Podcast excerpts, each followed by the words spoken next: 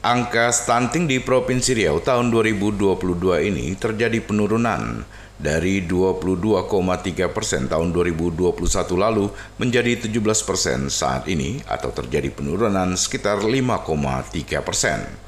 Turunnya angka stunting ini tidak lepas dari peran Pusat Kesehatan Masyarakat atau Puskesmas di 12 kabupaten kota. Hal ini disampaikan Kepala Dinas Kesehatan Provinsi Riau Zainal Arifin kepada wartawan di Pekanbaru. Saya kira ini adalah eh, terima kasih kami untuk Puskesmas karena yang bertungkus lumus ini sebenarnya Puskesmas. Dia yang punya wilayah binaan, karena itu kami eh, mungkin terima kasih eh, provinsi, khususnya Dinas Kesehatan Provinsi lah. Ini ada, memang Puskesmas yang ujung tombak. Ujung tombak jadi kenaikan ini bukan eh, apa yang paling besar perannya menurut kami adalah puskesmas.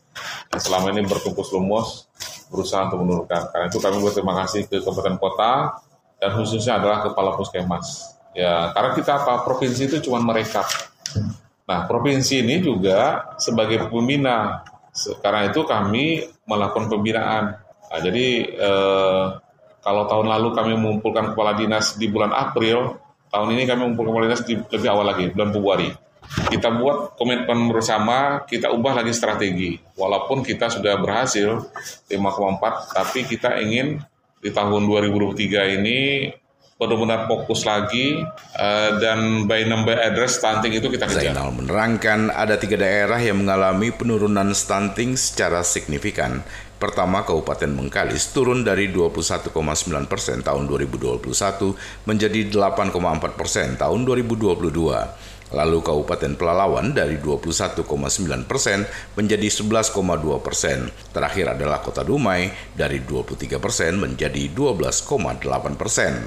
Sementara untuk tiga daerah yang mengalami kenaikan angka stunting yakni Kabupaten Indragiri Hilir dari 28,4 tahun 2021 menjadi 28,5 persen di tahun 2022. Kemudian Kabupaten Siak dari 19 persen menjadi 22 persen. Disusul Kota Pekanbaru dari 11,4 persen menjadi 16,8 persen.